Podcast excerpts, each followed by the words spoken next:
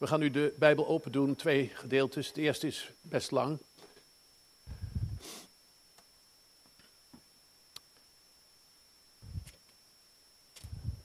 Dat is uit 1 Koningen, hoofdstuk 10. Het zijn de dagen van Salomo, de vredevorst, de zoon van David.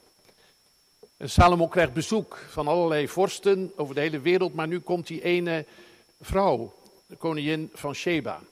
Ik lees over die ontmoeting en ook lees ik het stuk dat daarop volgt. Toen de koningin van Sheba het gerucht over Salomo in verband met de naam van de Heere hoorde, kwam zij om hem met raadsels op de proef te stellen.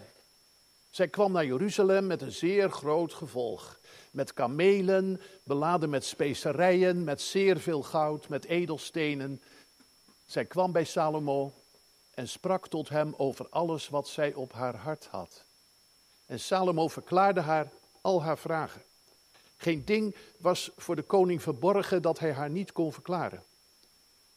Toen de koningin van Sheba alle wijsheid van Salomo zag en het huis dat hij had gebouwd, het voedsel op zijn tafel, hoe zijn dienaren aanzaten, hoe zijn bedienden klaarstonden, hun kleding, zijn schenkers, zijn brandoffers die hij bracht in het huis van de Heere, was zij buiten zichzelf. Ze zei tegen de koning: Het was de waarheid wat ik in mijn land over uw woorden en over uw wijsheid gehoord heb. Maar ik geloofde die woorden niet, totdat ik kwam en met mijn eigen ogen het zagen. Zie nog niet de helft van wat mij was, was mij verteld. U hebt wat uw wijsheid en welstand betreft het gerucht dat ik gehoord had overtroffen. Gelukkig zijn uw mannen. Gelukkig deze dienaren van u die voortdurend in uw dienst staan en uw wijsheid horen. Geloofd zij de Heere uw God, die behagen in u heeft gehad, door u op de troon van Israël te zetten omdat de Heere Israël voor eeuwig lief heeft. Daarom heeft hij u tot koning aangesteld, om recht en gerechtigheid te doen. Zij gaf de koning 120 talenten goud en zeer veel specerijen en edelstenen. Zo'n grote hoeveelheid specerijen als die de koningin van Sheba aan koning Salomo gaf, is er nooit meer gekomen. Ook bracht de vloot van Hiram, van de Libanon, die goud uit Ophir vervoerde, zeer veel sandelhout en edelstenen uit Ophir. De koning maakte van dit sandelhout steunbalken voor het huis van de heren en voor het huis van de koning. En luiten en harpen voor de zangers. Zulk sandelhout is er niet meer gekomen of gezien tot op deze dag. Koning Salomo gaf de koningin van Sheba overeenkomstig al haar wensen. Alles waar zij om vroeg. Meer dan wat Salomo haar al had gegeven. Overeenkomstig het vermogen van de koning. Daarna keerde zij terug en ging naar haar land, zij en haar dienaren. Het gewicht van het goud dat in één jaar voor Salomo binnenkwam, was 666 talent goud. Afgezien van de inkomsten van de rondtrekkende kooplui en de winst van de handelaars, van alle koningen van Arabië en van de landvoogden van het land. Ook maakte koning Salomo 200 grote schilden van gedreven goud. 600 sikkel goud ging op aan één schild. Verder 300 kleine schilden van gedreven goud. Drie pond goud liet hij opgaan aan één schild. De koning legde ze in het huis van het woud van de Libanon. Ook maakte de koning een grote ivoren troon en overtrok die met zuiver goud. Deze troon had zes treden en de bovenzijde van de troon was van achteren rond aan beide zijden. Aan de, zit, van de zitplaats, aan de beide zijden van de zitplaats zaten leuningen. En bij die leuningen stonden twee leeuwen. Er stonden dus twaalf leeuwen op de zes treden aan beide zijden. Zoiets werd er voor geen enkel koninkrijk ooit gemaakt. Verder was alle drinkgerij van koning Salomo van goud. En alle voorwerpen in het huis van het woud van de Libanon waren van bladgoud. Er was niets van zilver dat werd in de dagen van Salomo als niets geacht. De koning had namelijk een Tarsisvloot op zee, samen met de vloot van Hiram. Eens in de drie jaar liep de Tarsisvloot binnen, beladen met goud, zilver, ivoor, apen en pauwen. Zo werd koning Salomo wat rijkdom en wijsheid betrof aanzienlijker dan alle koningen van de aarde. En de hele wereld zocht Salomo op om zijn wijsheid te horen, die God hem in zijn hart had gegeven. Tot hiertoe de lezing uit het Oude Testament. De Jezus komt hier op terug. En we lezen dat in Matthäus 12. Twee versen, vers 41 en 42. Jezus verwijt de mensen van zijn generatie dat ze tekenen willen zien. Ze krijgen geen teken dan dat van Jona. En dan gaat Jezus dit zeggen. De mannen van Nineveh zullen opstaan in het oordeel, samen met dit geslacht, en zullen het veroordelen. Want zij hebben zich bekeerd op de prediking van Jona. En zie, meer dan Jona is hier. De koningin van het zuiden zal opstaan in het oordeel, samen met dit geslacht en het veroordelen. Want zij is gekomen van de einde van de aarde om de wijsheid van Salomo te horen. En zie, meer dan Salomo is hier. Gemeente van Christus, ik vraag aan mijn kleinzoon van negen, wat wil je worden? Hij wil rijk worden. En ik begrijp hem.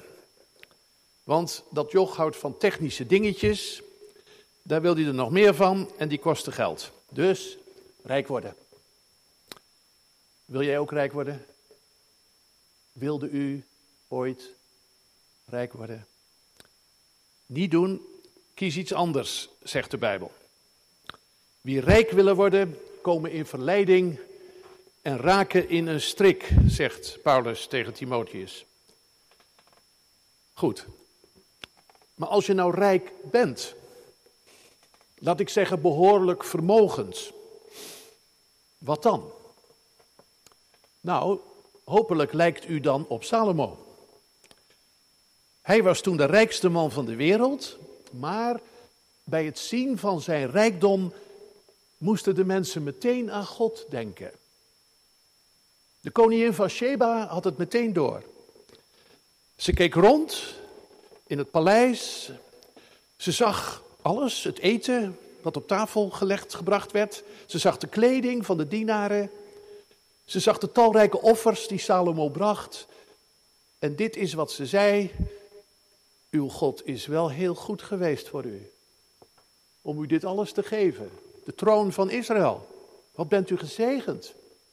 En ze voegt eraan toe, wat, wat zijn uw dienaren gelukkig. Dat ze in uw nabijheid mogen zijn om voor u te werken. In Rotterdam wordt momenteel een schip afgebouwd. Een superjacht. Masten van 30 meter hoog. Verkoopprijs bijna een half miljard euro. De eigenaar is een van de rijkste mensen op aarde. Ik zou er wel in willen rondkijken. Ik zou die gouden kranen wel eens willen zien. Zou ik dan ook aan God denken? Nee. En de werknemers van dat bedrijf, Amazon, zijn die gelukkig ook al niet. Er zijn rechtszaken gevoerd over hun beroerde arbeidsomstandigheden. Salomo was abnormaal rijk, maar hij was ook wijs. Hij was zo wijs dat hij niet rijk wilde worden. Toen God hem in een droom vroeg: Wat zal ik je geven? zei hij als jonge koning: Geef mij een verstandig hart, want ik moet leiding geven aan dit volk van u. Zo is dat. Als koning heb je te besturen. En dat betekende toen ook: je neemt beslissingen. Je had nog de absolute vorst. En die moesten beslissen, geregeld ook over dood of leven. Zo waren er twee vrouwen, allebei net een kind gekregen. Ze verschijnen voor Salomo. De baby van de ene was gestorven, maar de moeder van het dode kind had de twee baby's verwisseld. En nu staan ze daar allebei krijsend. Dat levende kind is van mij. Eén van de twee liegt. Maar wie? Salomo luisterde. Hij dacht na. Hij riep een scherprechter met een zwaard. En hij zei: Snijd dat levende kind door midden en geef ieder de helft. Toen riep de echte moeder: Doe dat niet, doe dat niet. En de koning wist genoeg. Dat is nog eens mensenkennis. Dat is nog eens wijsheid, dat je zo'n raadsel kan oplossen. Ja, God had de wens van Salomo vervuld.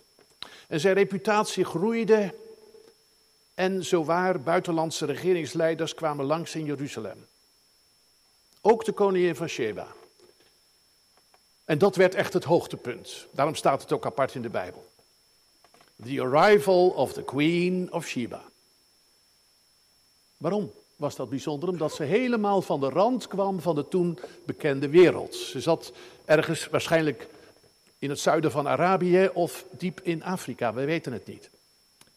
En nu gaan dus de einden der aarde de koning zoeken die door God gezalfd is. Je kan het je niet voorstellen. Maar je hebt het net nog gezongen. Alle volken zullen komen en God eren. Je kan het je niet voorstellen. Maar zij doet dat. Onvoorstelbaar. En wat ze meebrengt is ook uniek. Goud, edelstenen, kostbare specerijen. De schrijver moet wel zeggen, zo'n hoeveelheid is daarna nooit meer voorgekomen. Wat wil ze eigenlijk? Nou, ze had het gerucht gehoord over Salomo. Dat gerucht, staat er in vers 1, had haar bereikt in verband met de naam van de Heer. Dat is niet verkeerd. Ze wil dus de man ontmoeten, met alles wat die man kan en heeft. Maar ze weet al bijvoorbeeld, die man heeft een geheim, een bron, en dat is zijn God, de God van Israël. Dus als ze hem ontmoet, zal ze ook kennis maken met de Heer. En uh, ja, daar heeft ze de lange reis wel voor over. Die kostbare geschenken, die hebben natuurlijk een betekenis. Dat is een eerbetoon. Ze zullen ook wel bedoeld zijn om iets terug te krijgen, denk ik. Handelscontracten, denk je dan meteen? Toch, toch gaat het haar om iets anders. Ze wil namelijk de wijsheid van Salomo testen. Klopt het wat ik gehoord heb? Het is een onafhankelijke en kritische vrouw. En daarom gaat ze naar Jeruzalem om hem raadsels voor te leggen. Ja, dat doen wij ook wel eens. Raadseltjes als onderbreking van die lange reis in de auto misschien. Of gewoon voor de gezelligheid. Maar dit zijn andere raadsels. Raadsels zijn de vragen waar je lang over hebt nagedacht. Maar waar je niet uitkomt. Raadsels, dat is ook echt iets voor bestuurders. Voor koningen, maar ook onderkoningen. Dat zijn uh, kwesties die om een oplossing vragen. Hè? Wij zeggen wel eens de politie staat voor een raadsel, zoiets. En wie heeft dan een oplossing? Nou, dan zit je meteen helemaal in de actualiteit. Want wij zoeken met elkaar toch ook oplossingen. Ik hoop dat u zich er ook bij betrokken voelt, al was het maar in je gebed. Oplossingen in de stikstofcrisis met het boerenprotest. Oplossingen voor de opvang van vluchtelingen en asielzoekers. Daar komt zij ook wel voor. Maar wat hebben we nou eigenlijk nodig? Niet alleen maar technische antwoorden. Niet alleen maar politieke besluiten. Daar moet het natuurlijk wel naartoe. Maar wat wij nu zoeken, hoop ik, dat is een oplossing waar je de mensen in meekrijgt. Daar gaat het toch om. Er zijn al twintig antwoorden en oplossingen bedacht, maar krijg je de mensen mee? Een antwoord dat je kan overtuigen. Waar is de man of vrouw die opstaat en ons met inzicht de weg wijst? Dat is de kwestie. Er is best veel wijsheid hoor onder de mensen. Alleen, het is vaak wijsheid achteraf. Zij zoekt. Zij maakt een reis om antwoord te krijgen. Zo nieuwsgierig is ze. Zo verlangend is ze. En ze heeft geluk, want op al haar vragen heeft Salomo een antwoord, staat er. Vers 3. Geen ding was voor de koning verborgen. En ze staat helemaal versteld. In vers 5 staat, ze is buiten zichzelf. Letterlijk, eigenlijk veel mooier, er bleef geen geest in haar over. Ze kon niet meer ademen. Ze viel helemaal stil. En ze, en ze brengt uit, alles wat ik over u hoorde, klopt. Het, klopt. Ik geloofde het eerst niet, maar nu ik, nu ik hier ben en dit meemaak, moet ik bekennen, ze hebben me nog niet de helft verteld. Mooi hè, zo'n vieren, machtige koningin, die nu even een groot kind wordt. Dat wandelt in Wonderland. Ja, daar heeft het ook wel iets van. Voor je ook niet, toen je luisterde naar dat verhaal en wat erop volgde? Dat hele verhaal heeft iets sprookjesachtigs. Te mooi om waar te zijn, denk je. Maar je wil het wel graag geloven, vooral als je een kind bent. Alle vorsten trekken naar het kleine Israël. En de koning is zo wijs dat hij elk probleem oplost. En zo rijk dat er niemand aan hem kan tippen. Is het een sprookje? Het is profetie. Misschien wist je dat in de Hebreeuwse Bijbel de boeken Koningen horen bij de profetische geschriften. Je hebt de wet, je hebt de profeten, je hebt de geschriften. En de boeken Koningen horen bij de profetie. Zo moet je die boeken ook lezen. Dat wil zeggen, hier komt in de figuur van Salomo en die koningin, hier komt even de toekomst in beeld. Die de Heere God voor ogen staat, waar het naartoe gaat. Zijn koninkrijk voor alle volken. Geregeerd door de vorst van de vrede. Want shalomo, shalomo, daar zit het woord shalom in. Hè? Vrede, welzijn. Die Messiaanse koning, die zal regeren met wijsheid. Hij zal de armen en verdrukten recht doen. Hij zal wezen en weduwen niet vergeten. Hij zal het raadsel van de wereldgeschiedenis oplossen. Dat krijgen we dus even te zien hier. Zo moet je erin zitten in dit verhaal. Er zullen vast wel overdrijvingen in zitten, maar dat geeft niet. Het heeft een bedoeling. En wie komt daar nou verslag van doen? Van dat koninkrijk? Een vreemde. Uit een ver land. Een vrouw. Die van niets weet, maar er enorm door aangetrokken wordt. En dan kijken we nog even, wat trok haar nou precies zo aan? Ik denk twee dingen. Eerst wat ze hoorde en ook wat ze zag. En het eerste, dat is die wijsheid van Salomo. Maar het tweede, dat is de welstand van Salomo. Zo staat het ook in vers 7. Wat uw wijsheid en welstand betreft, is het gerucht dat ik gehoord heb overtroffen. Dus twee dingen. Laten we eerst kijken naar de wijsheid van Salomo. Salomo, zei ik al, is een mensenkenner. Hij heeft grote oren. En zij, zij heeft iets op haar hart, staat er. Zij sprak, vers 2, tot hem, met hem, over alles wat zij op haar hart had. Wat betekent dit? Nou, je moet eerst dus denken aan die beleidskwesties waar ik het over had. Koningen spreken met elkaar over besturen natuurlijk. Maar die wijsheid gaat nog een stapje verder. Die wijsheid zoekt ook naar wat verborgen ligt. Hier, in het hart. Zij had vragen. En weet u wat onze vertaling nou zo mooi zegt? Salomo verklaarde haar vragen. Er staat niet, Salomo gaf de goede antwoorden, dat zal ook zo zijn. Hij gaf nuttige adviezen, ze stond helemaal paf, maar hij deed nog iets. Hij verklaarde haar vragen. Hij keek achter haar vragen. Wat is jouw diepste verlangen, koningin? En waar zit je diepste angst? Daar was Salomo nou zo goed in.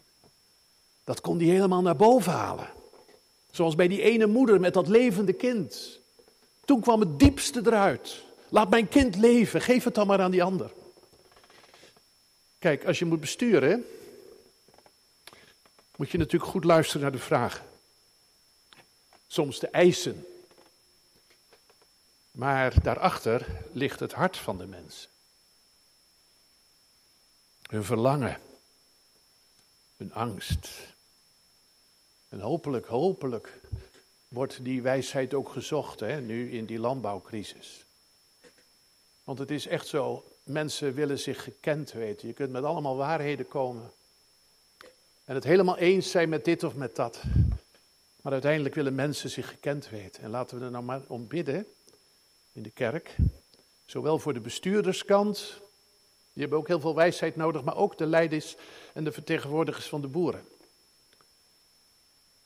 Voor Salomo was niets verborgen. Herken je hem al? Zie je hem al? De grote koning, onze koning. Heb je hem al ontdekt? Jezus Christus.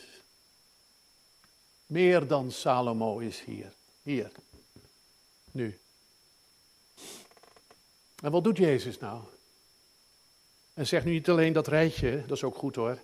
Jezus is gestorven voor alle zonden, zonden van de hele wereld.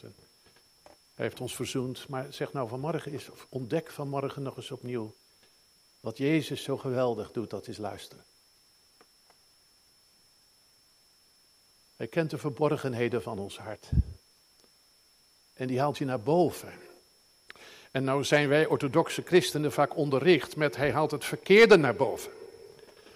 En dat is ook zo. De stroom van ongerechtigheden.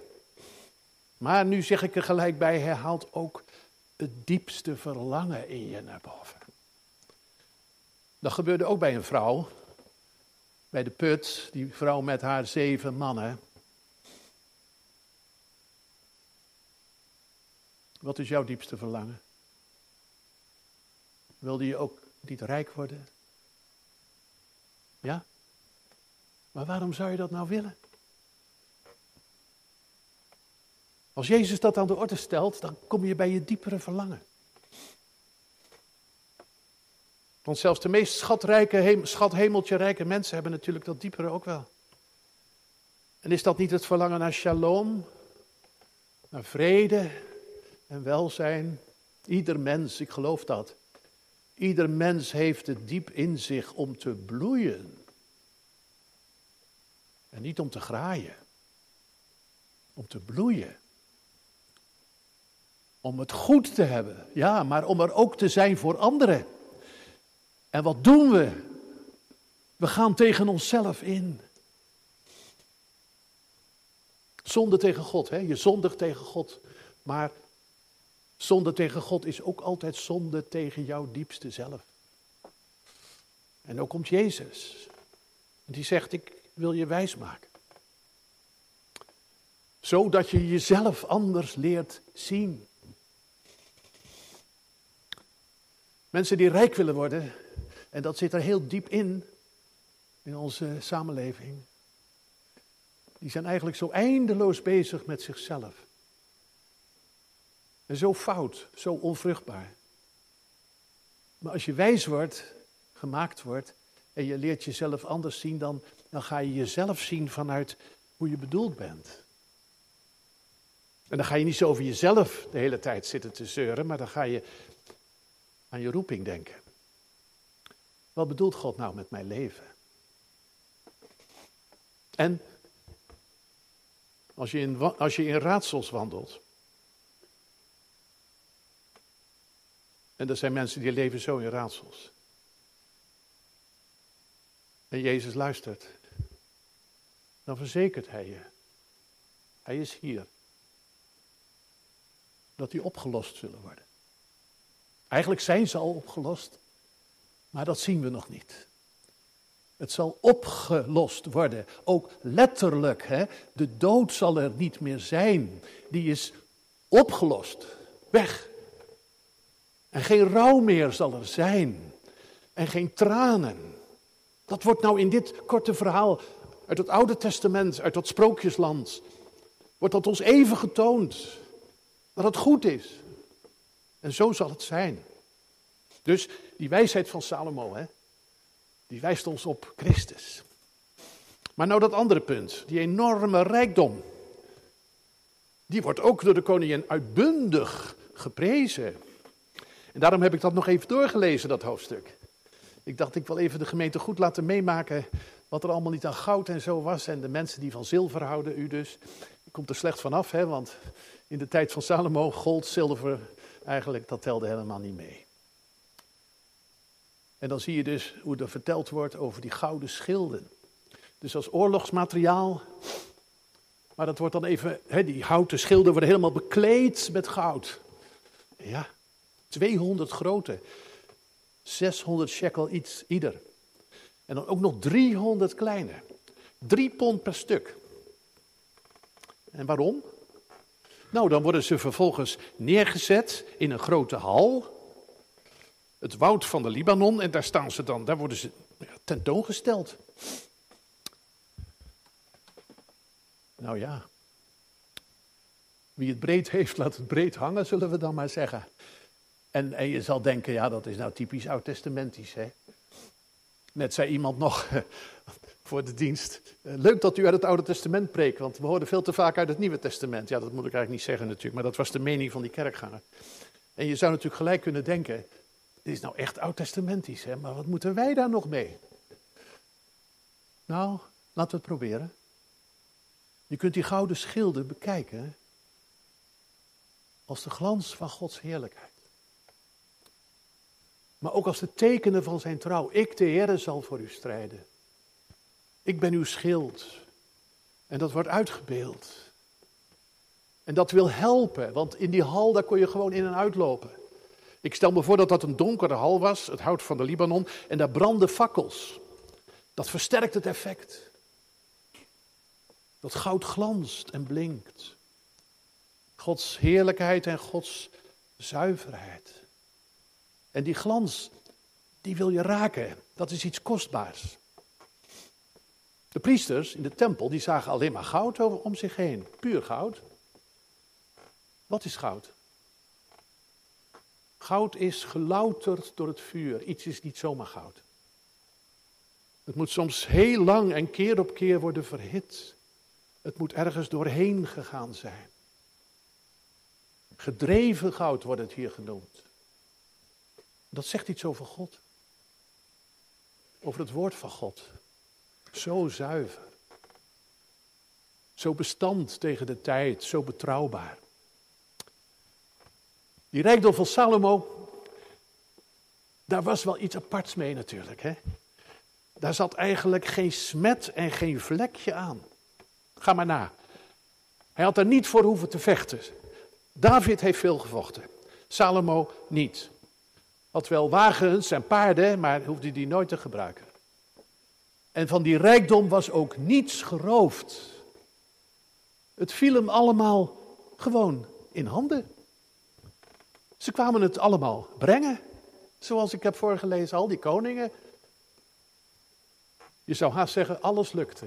Ja, alles klopte. Ja. Weet je waar dat ook staat? In Psalm 1. Dan gaat het over de bloeiende mens. En wie is de bloeiende mens? Dat is de rechtvaardige die zich houdt aan wat God zegt. Die is als een boom geplant aan stromend water. Die zijn vrucht geeft en alles lukt. Dat kan rijkdom dus kennelijk zijn. En het is een rijkdom die als eerbewijs van de omringende volken gebracht wordt naar deze koning en zijn God. Is toch mooi? Als je rijk bent, moet je niet over inzitten. Moet je denken, kan ik mooi God vereren? Staat ook in een psalm, hè? vereer de Heer met uw rijkdom. En als je dat doet, dan zullen je perskuipen overvloeien. Dan word je gezegend. Hoe doe je dat? Ik neem aan dat ik toch heel wat mensen hier kan aanspreken. Op onze rijkdom. Hoe doe je dat? Nou, zegt u, weggeven. Allicht. Offers brengen. Ze zag ook, die koningin, de vele offers die Salomo bracht. Maar nou wil ik er iets naast zeggen. Ook iets moois doen. Iets moois doen met je welvaart. En daar wordt nou zo prachtig bijna humoristisch over verteld. Die Salomo, die liet het breed hangen, zeg. Die had een koninklijke stijl. Wat, wat viel die koningin nou op? Nou, dat staat er. Het paleis, tuurlijk, maar ook het eten. Het eten wat op tafel verscheen. En hoe de dienaren, wat voor manieren die hadden. Om de tafel te dekken, maar ook om met elkaar om te gaan. Hoe ze zich gedroegen. En, en hoe ze eruit zagen, wat voor kleding ze hadden. En wat voelden ze daarin? Grandeur. Iets groots. Iets van Hendel, die dat mooie stuk schrijft over de aankomst van de koningin van Sheba. Verfijning. En tegelijkertijd ook gewoon mooi. Een kind kan het begrijpen. Haar mond viel open. Valt onze mond ook wel eens open? Zomaar hoor, een vraag. Dat je besefte, nou zit ik hier en ik ben gewoon te gast bij een koning die wijs is. En bij wie ik die rijkdom van God mag ervaren. Tafelmanieren. Manieren, hè? waar zijn manieren goed voor? Nou, als je manieren leert, tafelmanieren, maar gewoon fatsoensmanieren zal ik maar zeggen, daar gaat rust van uit. En waar je dan ook komt, als je goede manieren hebt, kun je overal verkeren. Dat hoeft niet elitair te zijn, juist niet. Maar het is iets wat je je eigen hebt gemaakt. Daar gaat rust van uit. Als je manieren kent, dan gaat alles ook wat makkelijker. Kijk eens hoe die dienaren, hoe dat werkt, zeg. Het gaat allemaal op een rolletje. En door die manieren raak je ook afgestemd op elkaar. Want fijne manieren. Als iemand u die ene keer op een dag misschien vriendelijk goeiedag zegt. Nou heb ik het even over ons. Wij hier. Onze samenkomsten. Die mogen daar ook iets van hebben. En misschien zeg ik iets wat u allemaal al lang met me eens bent hoor. Maar iets groots, weet u. Iets waar je ontzag voor hebt. Iets wat je bewondert. Dat je weer even een kind bent. Die te gast mag zijn bij deze koning. En je voelt gewoon, het hoeft niemand je te vertellen, dat daar een stijl bij hoort. Ik bedoel niet een verheven stijl of zo, elitair, ik bedoel toegankelijk. Maar wel een stijl die je uittilt boven het alledaagse. Dat er muziek is. En dan ga ik niet zeggen wat voor muziek, maar wel muziek die iets te maken heeft met de inhoud. En die kwaliteit heeft. En ja, neem me niet kwalijk, dan een gebouw. Een gebouw dat je kan bezielen. U bent verwend hier. Alles is groot. Alles wijst naar boven. Mensen die van niks weten, komen hier toch ook. En ze, raken, het wordt, ze worden geraakt, denk ik dan, hopelijk. De beste kunstenaars en ambachtslui zijn ervoor ingehuurd destijds. Kosten een cent. Ik besef dat dat niet altijd zo kan. Gouda heeft ook hele andere kerken. Maar daar is ook over nagedacht. Daar zijn ook kunstenaars. Waar is dat goed voor? Ook het gebouw en de muziek helpen ons om te verlangen. Om te bewonderen en te verlangen. Die grote ontmoeting, die er echt zal komen. Dat je daar even in meegenomen wordt. Met alle volken die hun kostbaarheden zullen indragen in Jeruzalem. En dan even iets over onze manieren. Ik beloof u, ik ga niks zeggen over kleding. Dat is vaak toch al een verloren strijd. Maar even over kerk gaan. Wij zijn wat meer geneigd, misschien dat ik dat hier niet eens zo hard hoef te zeggen, maar dat kerkgaan vooral ook iets sociaals is. Hè? Iets, iets gezelligs. En kerkdiensten moeten informeel zijn. Dat zal allemaal zo zijn, maar daar kan onze ziel natuurlijk niet mee toe. Hè? Echt niet hoor. Dan heb je het gezellig gehad, dan heb je het fijn gehad. Maar dan is je ziel toch echt tekort gekomen. Onze ziel moet getrokken worden. Richting de eeuwigheid. En dan zit je in de kerk. En dan hoop je dat je toch iets zal vinden van die majesteit. Het is ook een opwekkingslied hoor. Majesteit, inderdaad. En de heerlijkheid van God. En de glans die afstraalt van zijn vriendelijk aangezicht. En dat moet niet plat worden. Wij mogen God vereren met de rijkdom van de taal. En met de materialen die we gebruiken, die plastic bekertjes bij het avondmaal. Dat zal wel zo moeten af en toe, maar dan moet je toch eigenlijk niet aan denken. Dat kan toch niet? Goed, dat is misschien een persoonlijke mening. Maar ook de omgangsvormen. Laten wij gracieus zijn. Sierlijk. Dat is ook iets uiterlijks. Ja. En nou Jezus. Die was niet rijk. En mensen zeggen soms op grond van Jezus, we moeten helemaal stoppen met al die mooie kerken en al die andere dingen. Toch noemt Jezus zichzelf meer dan Salomo. Meer dan Salomo. Hoe kan dat? Wel, Jezus werd arm. Terwijl hij rijk was. Dat is Jezus.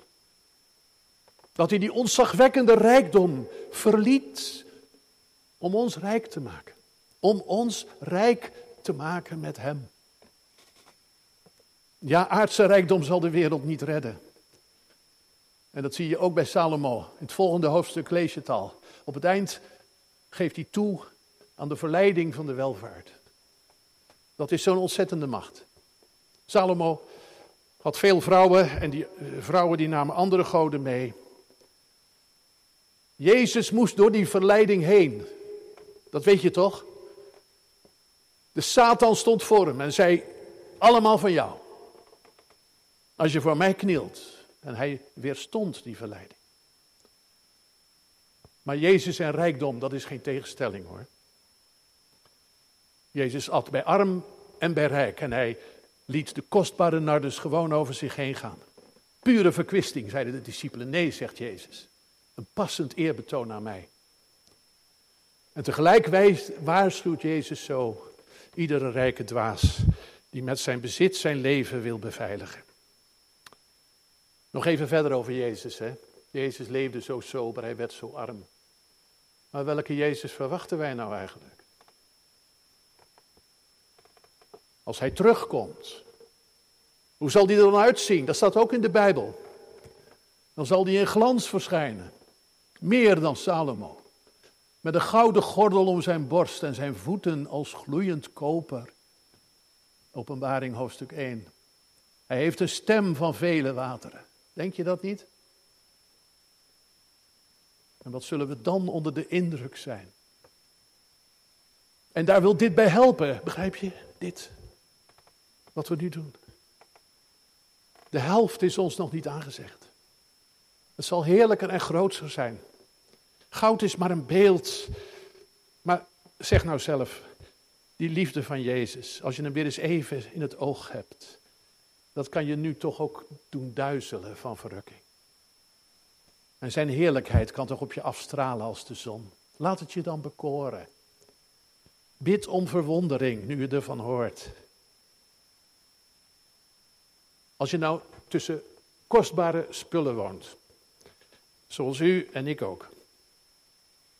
Als je tussen zulke spullen woont, zeg dan op de zondagmorgen: Dit heb ik, maar het kan niet op tegen wat we nu gaan doen, die samenkomst. Als we gaan zingen voor onze God. En als we ons door Hem laten zegenen. Zeg dat ook tegen jezelf als je nu fijn op vakantie bent. En nog zo volop geniet. Dan zeg je, wat is dit heerlijk. Maar het is nog niet de helft van wat we te zien zullen krijgen. Jezus komt. En als hij komt, zal de koningin van Sheba dan opstaan en ons veroordelen. Zij reisde de halve wereld af om naar Salomo's wijsheid te luisteren. En meer dan Salomo is hier. Hè? Je hoeft niet te reizen. Hij is hier. In ons midden. Hij luistert. Hij verklaart je hart. Hij regeert. Zo moet de koning eeuwig leven. Bid elk met diep ontzag. Men zal hem het goud van Scheba geven. Hem zegenen. Dag bij dag. Amen.